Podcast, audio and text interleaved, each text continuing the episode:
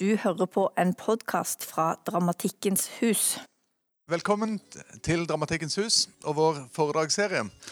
Bak meg her på gulvet eh, har vi eh, gleden av å eh, skue The Line. Og vi er veldig glad for at dere er her, opptatt med litt av hvert. Merce Cunningham står det på en lapp her. Kristina Søtorp og Ida Vigdel eh, har hatt denne gruppa si siden 2006. Og resten er historie, som vi sier. Eh, velkommen. Hei, hei. Velkommen alle sammen til foredrag eh, om eh, The Line og Merce Cunningham, rett og slett. Eh, vi har nå Vi, hadde, vi har liksom delt inn kvelden i noen deler, og så har vi kasta terning på hvilken del som kommer når. Så dette er da kveldens eh, rekkefølge på hvordan disse delene skal bli. Så det blir en test for oss også, bare så dere vet det. Ja, for Cunningham var veldig opptatt av uh, tilfeldigheter og brukte ofte å kaste terning for å bestemme rekkefølgen på de ulike delene før en forestilling. Og det gjorde han rett før han skulle på. Så vår rekkefølge er nå Cunninghams fysiske dansespråk, oppvarming, oppvarmingsøvelser, ja. Murs sitater, gul film og dans. 4.33 veldig bra at pausen kommer akkurat her. Det passer bra. Og Murs sin utvikling. Svart VS spå. Cunningham og The Line. Filmstang. Ja. Da er det Cunninghams dansespråk først. Som vi må forstå ut fra hvor han kommer fra.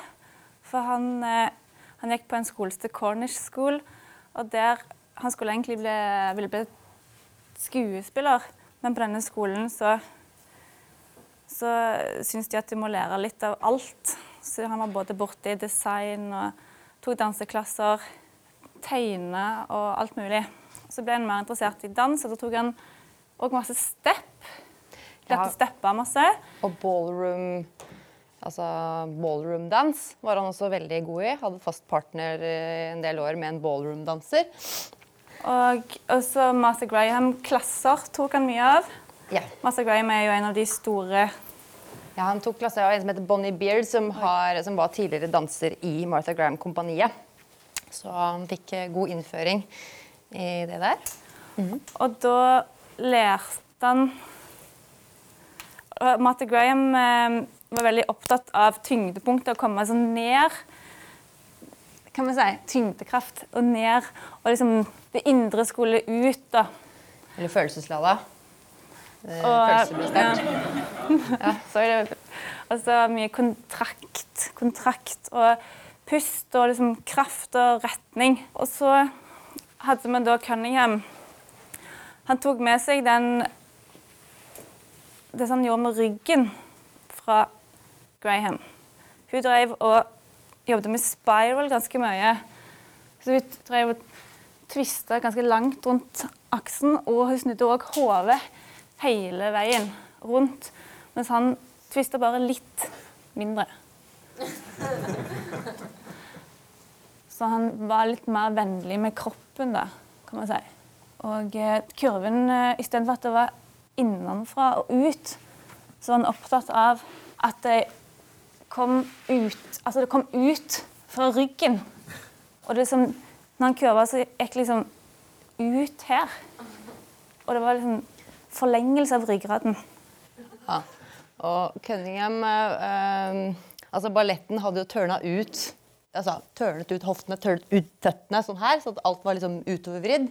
Eh, mens eh, Cunningham eh, ville at også han innførte en posisjon som alle kunne gjøre, nemlig den gode parallellen med tærne rett frem.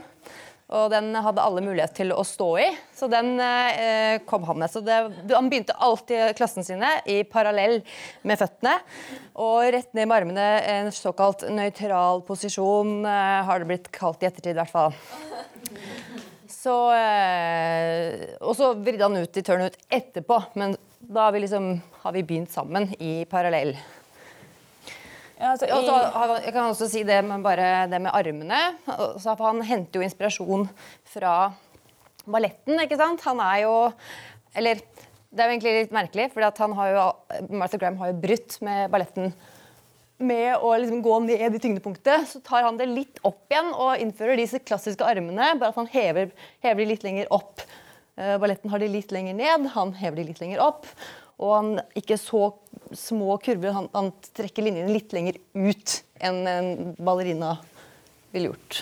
I de klassene som eh, de hadde, Han hadde jo klasser der de trente danserne sine. og Da øvde du mye på å kombinere overkropp. Så du hadde asymmetri f.eks. oppe og symmetri nede. Og omvendt.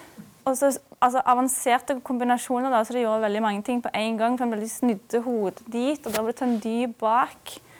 Og så var det mange retninger i kroppen på en gang som gjorde at de fikk et skikkelig konsentrert uttrykk, for det var så vanskelig å holde på med at de måtte kun tenke på det. Dansere kunne leke med timingen de hadde eh, helt fritt. Så de kunne på en måte bestemme selv den eh, Ja. Jeg ble veldig drilla, da, for at eh, siden at de, du jobber med De måtte være drilla fordi han jobbet med chance. og Da kunne plutselig ting skje, og du måtte kunne gjøre en sekvens hvorfor som helst retning når som helst. da. Så de var skikkelig gode på å bare blokke ut alt som skjedde. De var gode De var jo Rytmisk så var det pauser som var, som var det som de bygde dynamikken på. Pauser. Og eh, de ble, hadde en skikkelig god sånn, respons på alle impulser de fikk, så reagerte de veldig bablete i et eller annet. Um, kan du Uh, som har hatt denne her, uh, gi uh, en, en, sang. Gi, gi, meg et forslag på en sang. Hvilken som helst sang.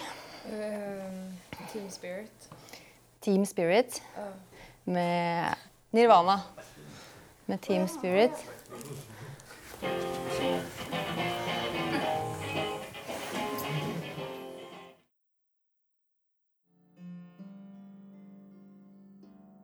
Sailors, you were born in the year 1919 close to Seattle. You had a family with lawyers and judges, I've heard. Perhaps you could tell us about how you ever became a dancer. Yes, well, what I first really wanted to be was an actor. So my father proposed to me that I could start at this Cornish school. And at this school, uh, there was this great woman who led the school who thought that if you should study art, you should study all of them. And if you wanted to be an actor, you should also dance and do paintings, music, and just create a lot of stuff.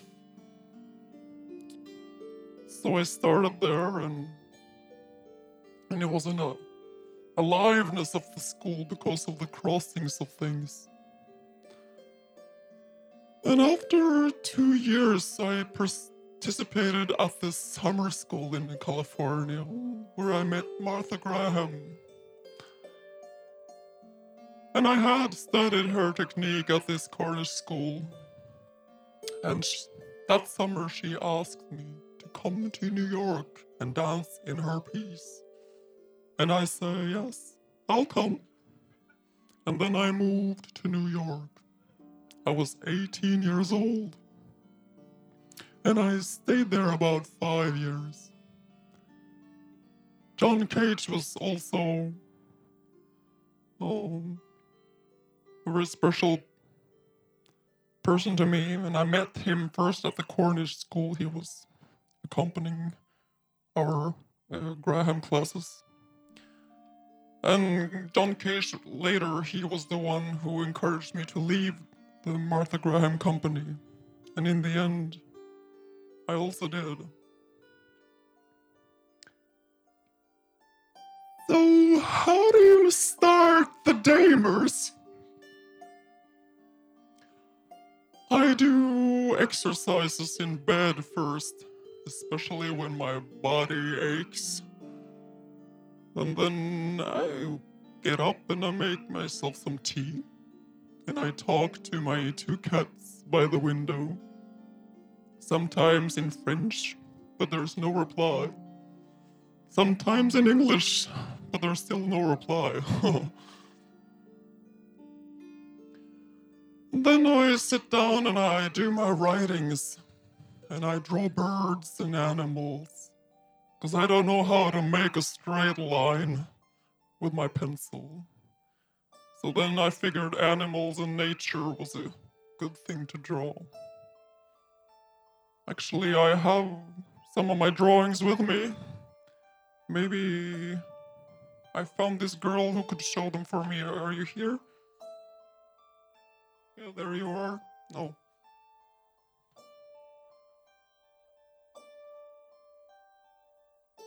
Oh, I can go get back to you. Doesn't matter. I can.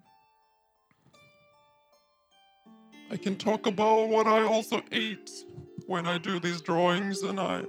I eat my cereals, and I like to put a lot of stuff in my blender, like bone marrow powder, wheat germ, a part of liver, yeast, with some milk and banana. I always had the same thing for breakfast. And then I'm ready to do my work after this. But let me show you. Here are some of my drawings. this is from one of my notebooks. Oh, you should stand a bit still there. My drawings are enough to watch. They're good in themselves. This is an eagle I made not so long ago. Yeah, and these are some of the birds who used to sit down by my window.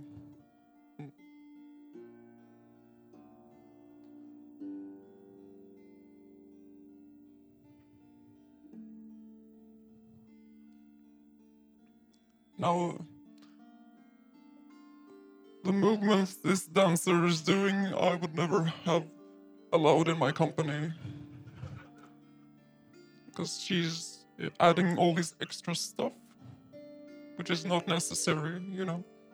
Like now, I have, she's showing my drawings, and they're actually good enough in themselves, you know. You don't have to add, you don't have to add extra. So I would have peeled all these movements off and just made her stand there, you know. There, you can you can calm down. Thank you.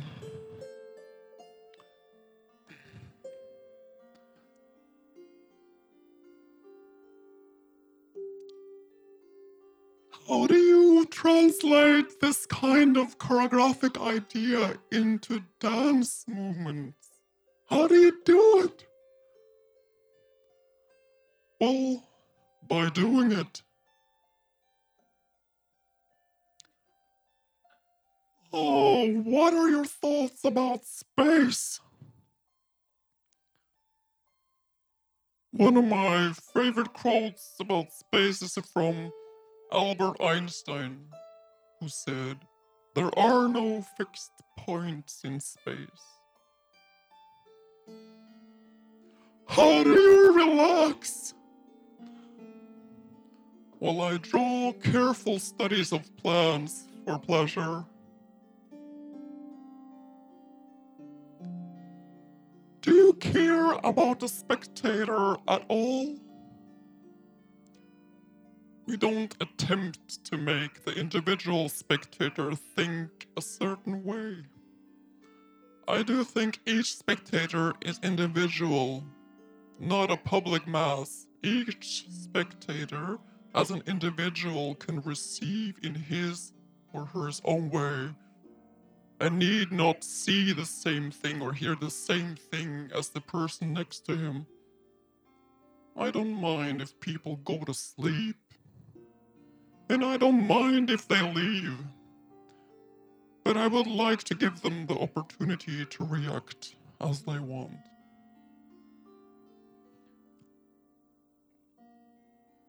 Isn't it a bit easy just to toss coins in making choreography? Well, some people think it's inhuman and mechanistic to toss pennies in creating a dance instead of chewing the nail or beating the head against the wall or thumbing through old notebooks for ideas. When I choreograph by tossing pennies, by chance that is, I am finding my resources in that play, which is not the product of my will, but is an energy and a law that I obey. I am in touch with something far greater than my own personal inventness could ever be, much more universally human than the particular habits of my own practice. Martha Graham actually said that there is no chance, and what's seen hazard in our eyes arises from our desperate source. That chance is the fool's name for faith. Jackson Pollock also said, I deny the accident.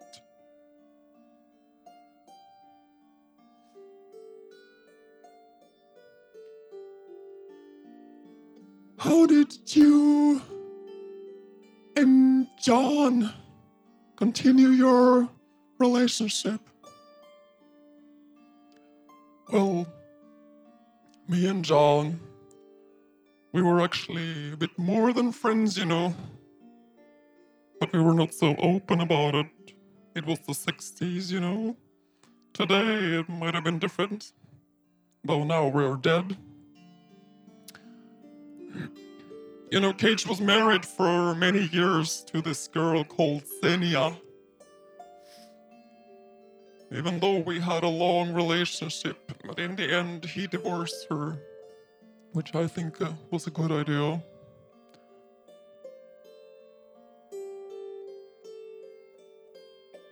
Well, we had these great years together, and these strange things like diets.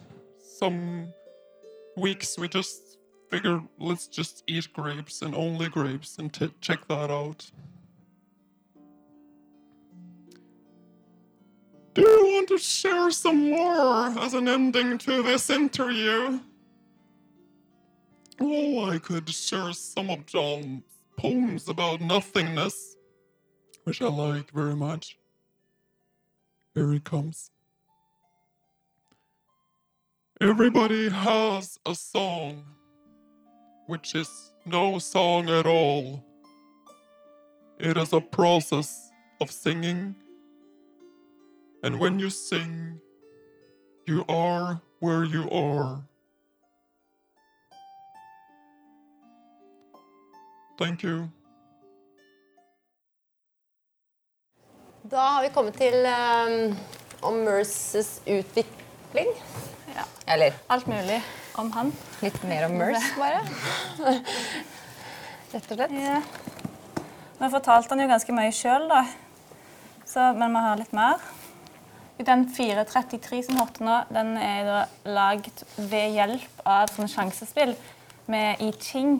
Som eh, de reiste De var opptatt av Zen. Og de og, Og uh, I Ching, det er liksom Det er er en av fire eller fem bøker i som tilhører en sånn kinesisk gammel bok. Som igjen henger sammen med noe som ikke var så spennende, men konfusianismen. Det, Det kan være gøy. noe sånn confus Det var ikke noe sånn konfus i hele tatt. Det var en kinesisk fyr som på en måte lagde prinsipper og, om hvordan bare samfunnet skulle fungere best mulig, og det er at alle kjenner sin plass. Det var sånn det måtte være. Så han lagde masse regler for det. Men det var de ikke opptatt av. Det var mest det der spelet som de tok til seg. Og det i, i den boka det, De drev og kasta tre mynter. Så ble det en sum. Så Så kasta de igjen, så gjorde de det seks eller syv ganger. jeg husker ikke. Og så den summen der, den slo de opp i den boka. Og der sto det et visdomsord eller noe som kunne måte kunne hjelpe deg da, kanskje til å endre vane. For det var jo, hette jo 'Forandringens bok'.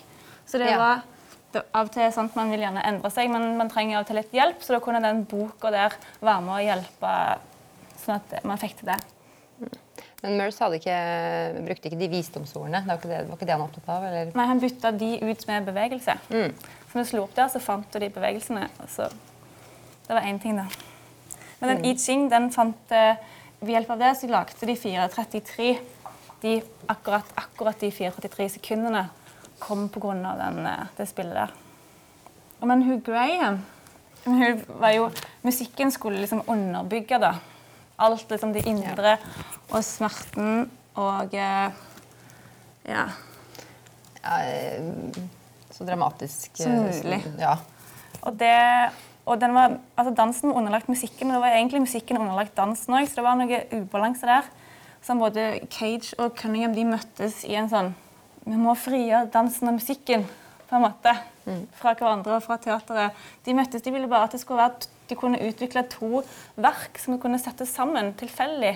Mm, At de var autonome i seg selv. ikke sant? At det, det er to verk som står selvstendig ved siden av hverandre. Men det er ikke, det er ikke, de er ikke justert til å passe sammen. Nei. Altså det, og det handler om at da, da leder du ikke blikket på samme måte. Så tilskueren får da på en måte fall, frihet til å, til å ta inn det som skjer som du vil, da. Ja, Det blir jo på en måte den tilskueren som fullfører Eller betrakteren fullfører verket, på en måte. Den blir helt avhengig for å Altså, ja. Det blir eh, opp til tilskueren å, å dra det ut av hva den vil. Altså, Den får full frihet, sånn som Murr snakka om i stad. Så at ikke man leder. Det er jo veldig kontrast fra Martha, som prøver å lede publikum til å føle det de følte. Man skulle på en måte bare absorbere følelsene rett inn. Det indre, alt indre. Ja. Det handler om det ytre. Så han, også, han, jo, han brukte jo da lyder utenfra. Sånn som found sounds. For dette. så han henter liksom lyder utenfra. For han vil at publikum skal sette pris på omgivelsene. Mm. Og så meningen var å fjerne meningen. bare. De, altså, de var jo inspirert av Zen, og de zen-buddhister jobber jo mye med meditasjon. Eller ja, har meditasjon som en hovedpraksis, rett og slett. Hvor man sitter og man, man eh, tillater Eller alt det som er rundt, får være det det er. Eh, og så kan jeg være rolig i det kaoset, på en måte. Så det er, det er litt inspirert av det òg. At, man- at det får lov å være det det er. Jeg trenger ikke la meg stresse av det. Jeg trenger ikke å justere meg i forhold til det. Det er det det er, og jeg gjør det jeg gjør, og, og det er det, liksom. At, eh, så det er veldig sånn ferdig. Ja, bare for å dra den send-linken litt. Så, Johan eh, Cunningham samarbeider med ulike musikere, bl.a. Christian Wolff, som han heter. Og da, Det var første gang han fikk et elektronisk stykke. Han forventa å få et uh, pianoverk fra han. Det fikk han ikke. Han fikk bare Det var et elektrisk system som lagde svingninger. Så da måtte han begynne å forholde seg til musikken på en helt annen måte. Han var vant på et eller annet vis å kunne forholde seg til piano og tellinger og sånn. Men nå måtte han bare forholde seg til tid. Så det var, da brukte han stoppeklokka for første gang. faktisk. Og det var jo, publikum ble jo irritert veldig ofte. Veldig irriterte på all den lyden som skulle komme og for- forstyrre den opplevelsen. Så mye Det var jo en kritikk, faktisk, som de som ble sendt ut og skrev en kritikk. Og så Det var New York Times. Og så det var tydelig at det, at det måtte være en, De fortjente spalteplass, men de trykte bare i blanke ruter, for personen visste ikke hva jeg skulle skrive om. Så det var Det liksom lagde veldig mye bevegelse rundt sånn. Det, de fikk jo bare kritikk i begynnelsen, kan man jo si. Når mm. de første turneene. Så var det jo tomatkasting. eh, Det var ikke greit. Og av en eller annen Eller vi har ikke skjønt hvor eller når det plutselig han endte opp med å bli legende. Men det var liksom det samme stykket turnerte liksom rundt i Asia, Europa. Det var i Frankrike. Det var helt sånn hysteri. Alle bare øh, kastet øh, og var helt sånn i furore. Og så kom de tilbake til New York, og plutselig så var det bare sånn Folk sto i kø for å komme inn. Og plutselig så var det bare De kjempegreie. Traff bare et tidspunkt, ja. Og eh, da var plutselig publikum klar for den endringen, tror jeg. Den utfordringen. Og så plutselig stykkene hans på en helt ny måte. Um, som er litt fascinerende. Som man ikke kan styre Nei. som en kunstner. Så er det mm, ja, først og fremst musikk. Altså frigjør eh, elementer. Og det gjorde han. eh, Og så var det rom. Ja. Rombruken og han eh, Som han sa, han sa det, det finnes ingen faste holdepunkter. Det er ingen punkter som er viktigere enn noen andre i rommet. Så han plasserte liksom danserne hvor som helst da, i rommet. Han, han brøyt med dette her med at du skal Altså, du hadde jo den titteskapsscenen med sånne regler. Den, den diagonalen her er sterkest, og du kan det er den viktigste punktet der må sier si noe veldig viktig. Du kan bare stå i midten i mer enn ti sekunder. Alle de greiene, reglene der, bare brøyt med alt.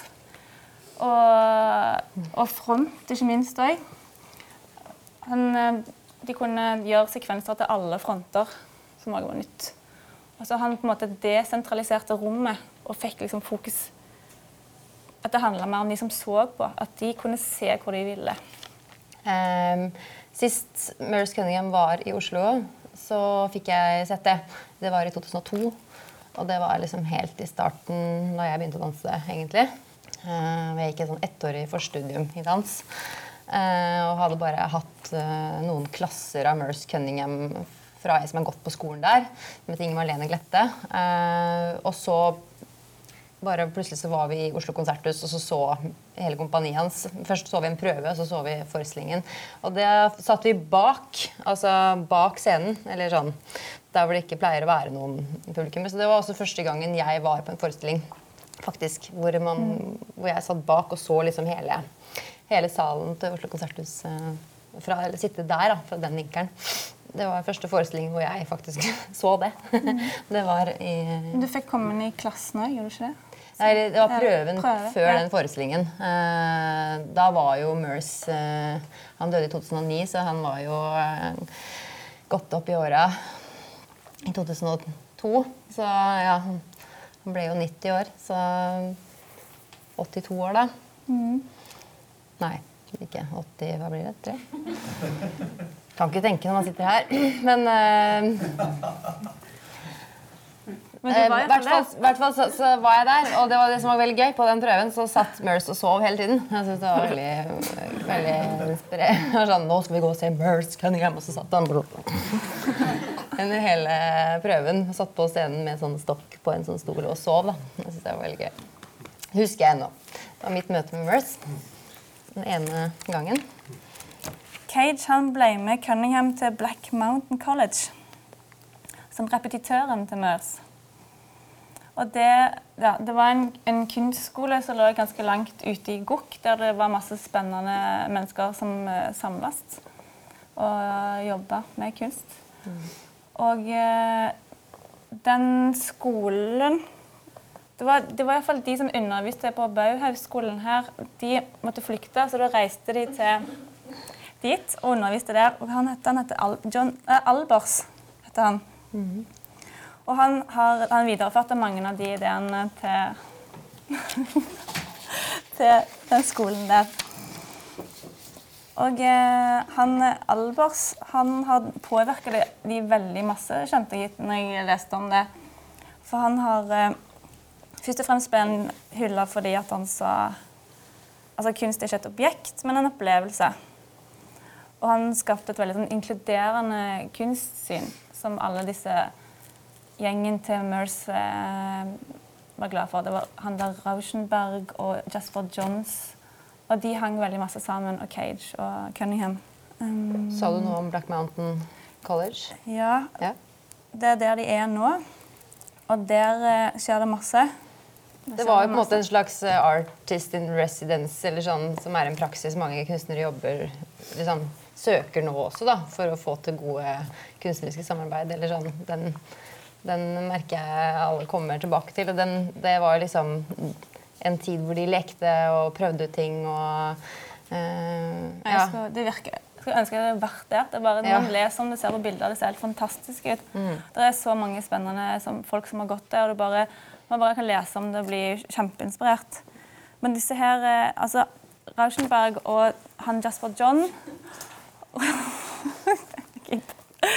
Og eh, de de, et, eh, de møttes fordi at de òg gjorde et opprør mot det emosjonelle som hadde vært. Så du hadde den abstrakte ekspresjonismen med Pollock og gjengen, som var veldig eh, Det var emosjonelt lada, da, de verkene som de eh, lagde.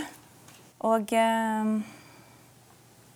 det handler om Altså, de var opptatt av å finne et sånt direkte uttrykk som uttrykker indre følelser og underbevissthet, som de prøvde å finne fram til på ulike måter.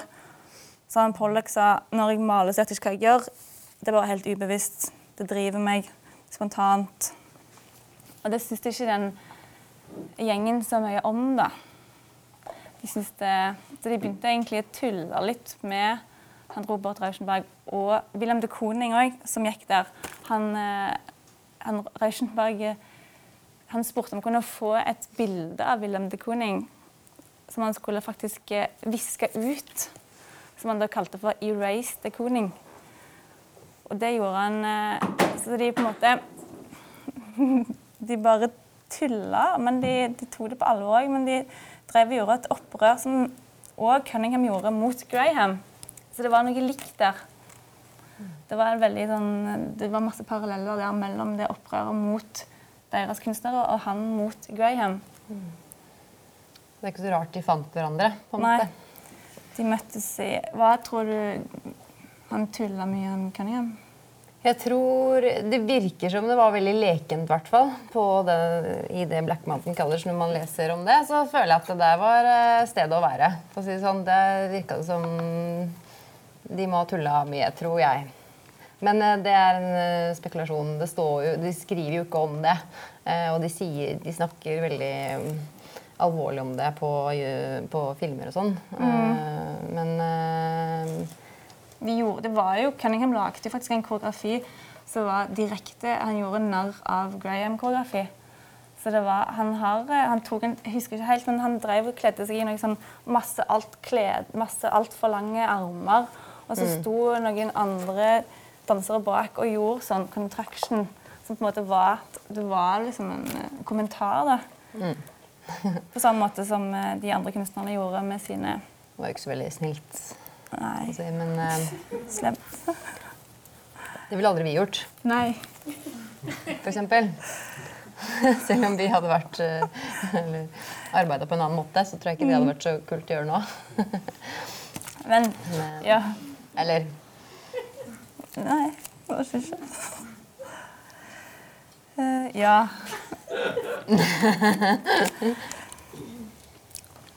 ja. Altså, de her gjengen Det ble faktisk kalt for uh, neodadaistene. Det var de som var nydadaisme. Og de uh, drev og da tok inn Altså, de var inspirert av Duchamp, som holdt på med ready-mates. Hva er ready mates? Må forklare. Ja. Det er Altså, han eh, ja, De fleste kjenner jo til det pissoaret som han tok inn og stilte ut. Så han tok ting fra liksom, det vanlige samfunnet, og så satte man det inn i en ny kontekst for å stille spørsmål som hva betyr det å lage kunst? Og, så stille, og så gir det òg makten over til den som ser. At du må liksom revurdere måten du ser kunst på. Og han, eh, han Johns drev og malte Han drev og malte objekter inn i maleriene sine som ready-made. Og han eh, Robert Rauschenberg han tok med seg ting han fant på veien og lagde kunst av. Og Merce Cunningham han eh, refererte faktisk til sine bevegelser som ready-mades. Han mente at han brukte altså han, han fikk jo mye kritikk for å være litt sånn gammeldags, men han brukte alle disse bevegelsene fra balletten. Og Graham, men han satte det i en ny kontekst, så han brukte det som ready-mades. Faktisk. Det, ikke- det visste ikke jeg at han tenkte. Jeg bare tenkte at det, hvorfor, bro- hvorfor driver du holder på med disse? Men eh, da tenker man jo på det på en helt annen måte. Ja. Når han faktisk gjorde det. Um, ja, så det var an drev med antikunst og gjorde narr av å feire forbrukersamfunnet. Happenings. Feira forbrukersamfunnet, den har ikke jeg fått med meg. Eh, De både feira det og gjorde narr av det. Ja. Masse paralleller iallfall. Han eh, Robert han var irritert på måten Pollock liksom tegnte på, altså malerstrøkene. Han syntes de var for emosjonelle. Mens eh, og Cunningham syntes alt dette til Graham var altfor emosjonelt. Så de ja. Det er liksom også et forsøk på å skrelle ned noe liksom til at det bare kan være det det er. Eller det er akkurat som de linjene er et forsøk på det, som jeg tolker det. Det er uh, min spekulasjon. At det er veldig sånn klart, tydelig, ryddig. Det er ikke masse krimskrams. Um, ja, Satt sammen da, så vil de oppleves ofte som masse krimskrams. det er klart. Når man så på det, var liksom, det føyk lys her og der, og da plutselig så kom det ei vifte over gulvet, så var det en hund som var med, og så danset Cunningham rundt. Så det, var liksom, det kunne oppleves som litt kaotisk. Men de, var, de mente jo da at hvis du ser lenge på noe som er kaos, så vil det oppstå et mønster. Et nytt mønster. Så det var jo Altså, han, han, han eh, søkte jo da Guggenheim for å kunne faktisk forske på Chance som en helhet. Han tenkte så konseptuelt at han, det handler kun om helheten skal kun være basert på tilfeldigheter. Så han lagde et verk som Det var alt basert til, på tilfeldigheter. Og det var rett etter Graham liksom sa 'chance for uh, fools'. Og så tok han vel inn hverdagsbevegelser eh, også. Gester, hverdagsbevegelser, eller gester og sånne ting. Det var heller ikke gjort noe særlig før i dans. Han Som fortsetter å utvikle seg. Ja. masse, for Vi har bare fått presentert liksom, vi har sett veldig mye av dette. Og han bare fortsetter å utvikle seg og brukte For du har jo den Judson, Judson Church-gjengen som kom på 60-tallet. Og da begynte de med pedestrian action, som tar inn hverdagslige bevegelser som ready-mates. Og bare gjør det. Men det hadde faktisk Cunningham allerede gjort. Og, eller eh, holdt på med. Ja, Og han, ja, han drev jo med Hva annet var det han hadde? En hel dans som bare var preparasjoner. Preparasjoner, ja. Altså det som skjer rett før du hopper. En stort, et stort hopp. For han mente at det, den bevegelsen er jo like viktig som den store bevegelsen. Og så var det den distansen, da. Med liksom- ja, uttrykksmessig, eller jo, for det han ble, de ble ofte kritisert for at det er et arrogant uttrykk. Dere ser liksom distansert og det er sånn dandy-like, sa de. mm. Ja, for du skal ikke gjøre deg til på en eller annen måte. ikke sant? Du skal bare være den du er, men så blir det også et uttrykk, på en måte. Um, mm. altså Kontrasten fra å være veldig mye i ansiktet til å liksom Når jeg skal skrelle ned til å bare være. Så, ja, så opplevelsen av det igjen da, ble opplevd arrogant. ja. Eh, og den er litt interessant, for den, den har vi blitt veldig konfrontert med sjæl, Fordi den er blitt mye brukt i dans. Eller det er blitt snakket om, i hvert fall når vi eh, lærte dans. I hvert fall når jeg lærte dans. Kan snakke for min egen del. Men uh, om det nøytrale uttrykket. Det såkalte nøytrale uttrykket. eh, som jeg aldri egentlig fant ut av, eller har slitt med å finne ut uh, hva er det. Eh, danseren som bare gjør, men den skal ikke være noe i ansiktet. Det er bevegelsen som skal tale, ikke eh, Eller dette er et eget valg, men at man ja, Å skille kropp og ansikt har er jo vært et stort problem, vil jeg påstå, i dansehistorien. Mm, men hvordan opplevde de Eller kritikken var at de var arrogante. Ja, at det var en distanse der som på en måte folk reagerte på. da. Eh, men da ble han ofte sam eller han, Noen de fans de sammenligner med tenkte, ja, men Tenk på Brecht. Det var jo det samme. Den distansen skal jo skape på en måte en aktiv publikummer. Og det handler om å ikke bli forført. da. Ikke, ikke bli forført. Du må se hva som skjer foran deg. Og, eh, og det var ikke helt merkelig sammenligning heller, fordi tolken til Brecht, engelsktolken, han underviste på Black Mountain College, og han satte opp masse forestillinger der, så de har jo sett de. Så det, der har de òg fått noe fra han. Ja, men det er vanskelig å kategorisere han Cunningham, for han var liksom Han var ikke van, vanlig nok for Judgen Church eller postmodernismen, og så var han ikke emosjonell nok for modernismen, men han kalles da for postmodernismens far. Blir han kalt for.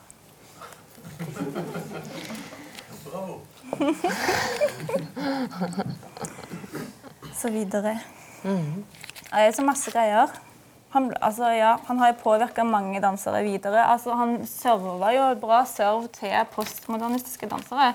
Som eh, altså, Yvonne Reiner, som har et sånn no-manifest.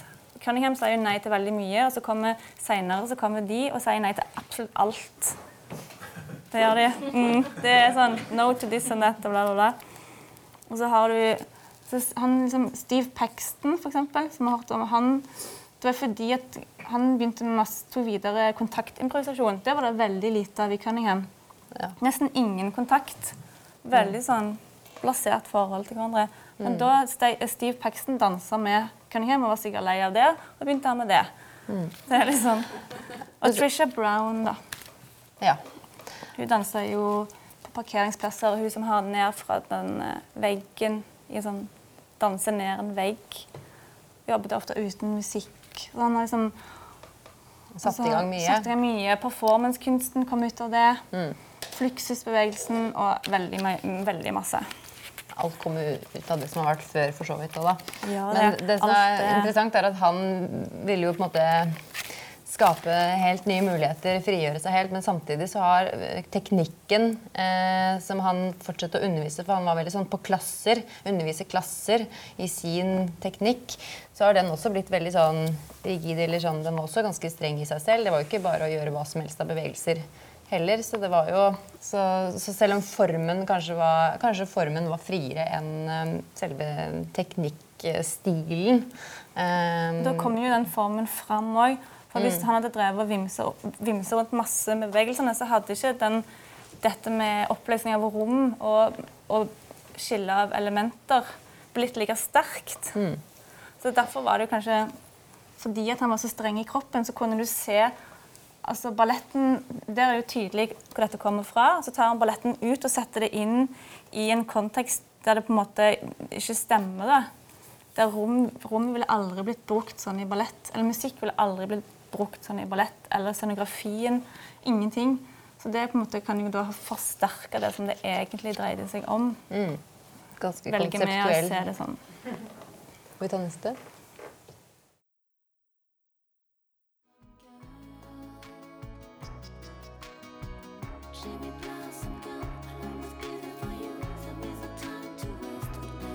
Ok, nå kan du komme ut av det greiene der.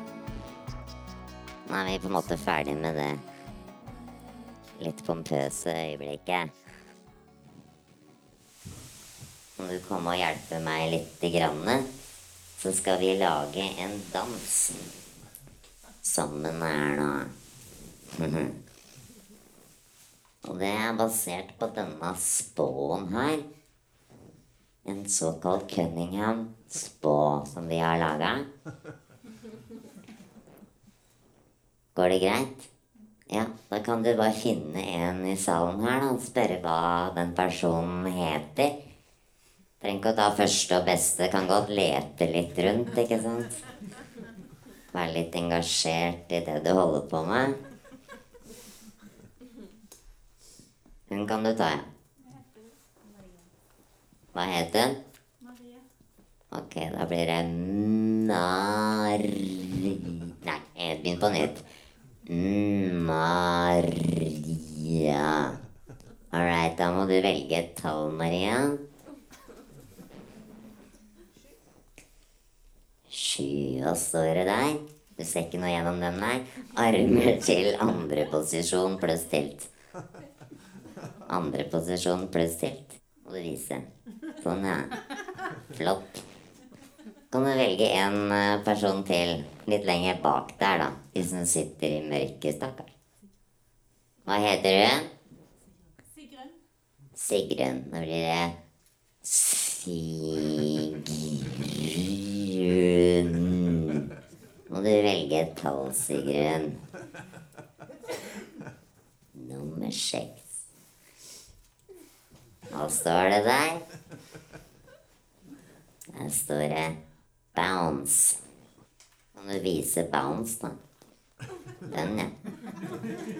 Flott, det. Velger en til. En til på første rad. Han lille.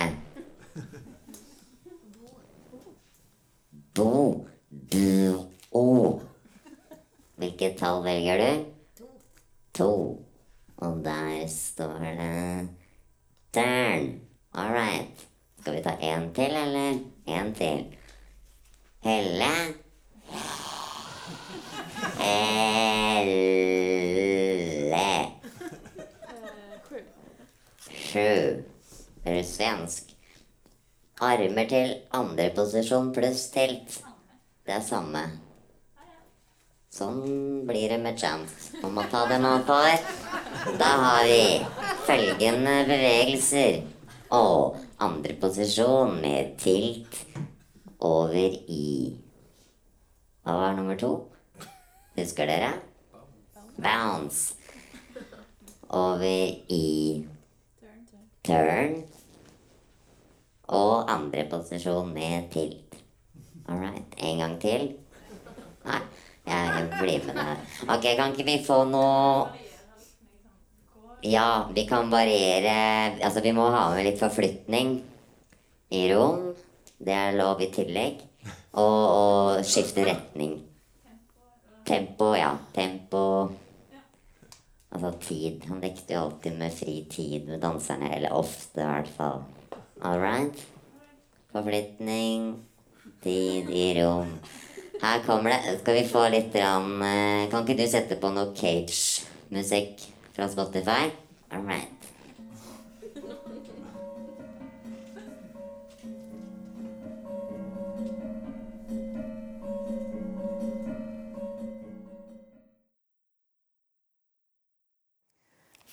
Cunningham all line med lyschance. Yes. Så vi vet ikke hva lys vi får. Ja, gikk, Han gikk på den skolen vi ønska vi gikk på, kanskje. Der det tverrfaglige funka veldig bra. Dog KIO, som vi har gått på, hadde egentlig samme visjon. Altså sånn samle I hvert fall vi var de første kullet som begynte på KIO der det er nå. Med dansere, skuespillere, operasangere, designere Altså Det er jo også KIOs visjon, for så vidt. At det skal myldre liv. Man har kanskje ikke kommet helt Eller det var ikke det da, i hvert fall. Når vi gikk der, kom til det stedet sånn som det var eh, på Corner School, sånn som det virker når han forteller om det, så virker det som det er det fra starten. Ja, Ja. Du skal lære om alt når du skal lære en form. ja. Det er lurt. Vi hadde ja, klasse, Cunningham-klasser på skolen. Og vi, hadde, vi fikk ikke noe sånn eh, historiske bakteppe. Vi ble bare presentert eh, bevegelsene.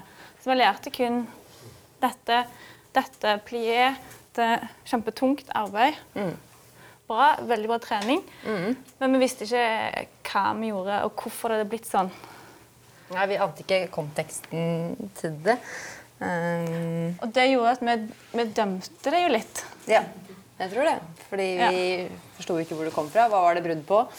Så det ble veldig stivt. Det var kanskje like stivt som ballett, egentlig, bare en annen form. En annen stiv form. Opplevdes det som egentlig. Vi hadde jo Graham, og vi, vi skjærte liksom de litt over samme kam. da. Og syntes at de, det, var så, det var så veldig alvorlig, det som den, på en måte, sånn det ble presentert for oss. Vi, vi visste jo ikke da at Cunningham faktisk hadde liksom gjort opprør mot Graham. Visste ikke det da. Nei. På KIO så lærte vi jo liksom, Det var en klasse av den sjangeren, en klasse av den sjangeren. Så man fikk veldig mange inntrykk fra egentlig veldig mange epoker, veldig mange uh, ulike tider. Ja. Uh, så vi ble på en måte proppa fulle av uh, mye ulike stilbevegelser. Og dette trengte vi, fikk vi et behov for å filtrere ja. et sted. Så da møttes vi når det var fri. Mellom Friminutt. klassene. Og blande alt det som vi lærte hver for seg. Så bare klasja vi det oppi samme gryte, på en måte. Ja. Og lekte. Det var sånn The Line oppsto. At vi bare Ja. Så det ble en Cunningham-bevegelse, en Graham-bevegelse Eller det ble litt sånn i starten, var det. Helt sånn, sånn som vi Litt klasse Og litt for jazzballett og litt for alle de forskjellige teknikkene. Release, teknikk, mye gulvarbeid blanda inn i det. Faktisk så brukte vi de som ready-mades. Ja, det kan vi si. Jo, og så fortsatte vi med det da, etter skolen, og ville blande ting. Så vi søkte støtte av koreografiutvikling som vi fikk som handla om mønster.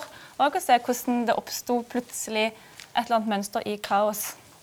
Vi har også ønsket å blande da, helt koko-greier en- for å se et, noe nytt som kunne oppstå. Det var vel det vi opplevde at skjedde. At det kom inn en tredje ting som Oi, blandingen av det ble det, men det heter ikke noe. Eller, ja. Mm. og så begynte å ja, bygge. Egentlig byggeklossmetode. Samme som Cunningham. Da. Mm. Og så Det har ikke vi tenkt på før, men det tenker vi nå når vi holder foredrag om Cunningham. Vi ser masse likheter nå. da ser vi plutselig veldig mange metodelikheter. Mm. Han, likte, han var inspirert av dyr.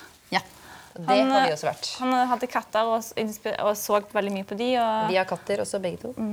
og da å prøve å være de. Men vi liker ofte å blande dyr, da. Så vi tar liksom katt, kanskje blanding med sølvkre.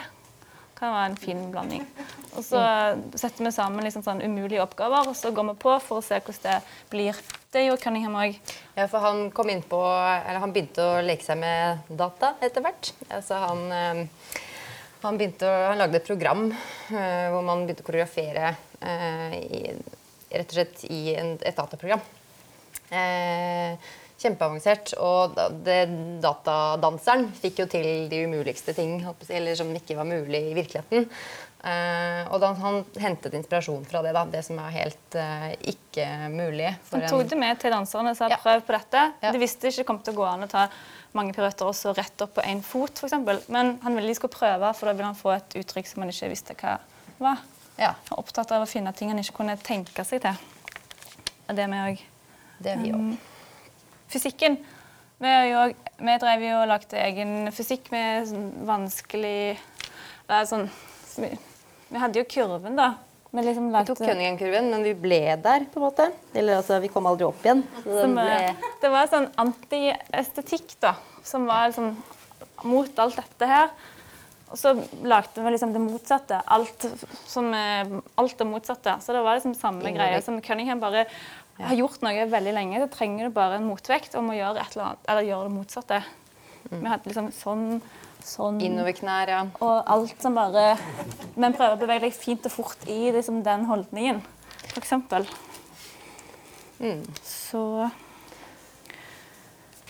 Men vi liker jo altså Cunningham hadde jo veldig mange Danserne var liksom så like ut, da. ja. Det Det, var ikke noen forskjellige former ut der i går, håper jeg. Eller sånn. Det var ikke, danserne så helt likt trent ut. Alle har jo tatt klassen hans. Så de er gode på det samme. Mm. Vi har likt å leke med litt forskjellige utøvere med i våre show. Som eh, ikke ser like ut. Vi ble lei tror jeg, å se mange dansekompaniforestillinger som, hvor danserne eller, og, og det at vi hørte på skolen at det var viktig å bli så sterk. og Det var alltid snakk om den sterke danseren. og så Være sterk og, og, og trent. Så kanskje også et eh, brudd med det. Eller sånn et ønske om å bare øh, gjøre noe motsatt. Rett etter skolen var det det. Akkurat da. Ordentlig. Han, Cunningham var jo utøver. Og ved at du koreograf og utøver i et verk, så kan det være at det former måten du eh, liksom, Strategiene dine, da. Og det gjorde vi òg. Vi prøvde jo nå på den siste forestillingen som heter Shake a Tower, og jobba ganske mye med at publikum styrte oss. Så da hadde vi lange deler der vi ikke visste hva som, som skulle skje i det hele tatt. Ja. Vil du høre flere foredrag? Se våre nettsider og kom til Dramatikkens hus annenhver tirsdag klokken 19.30.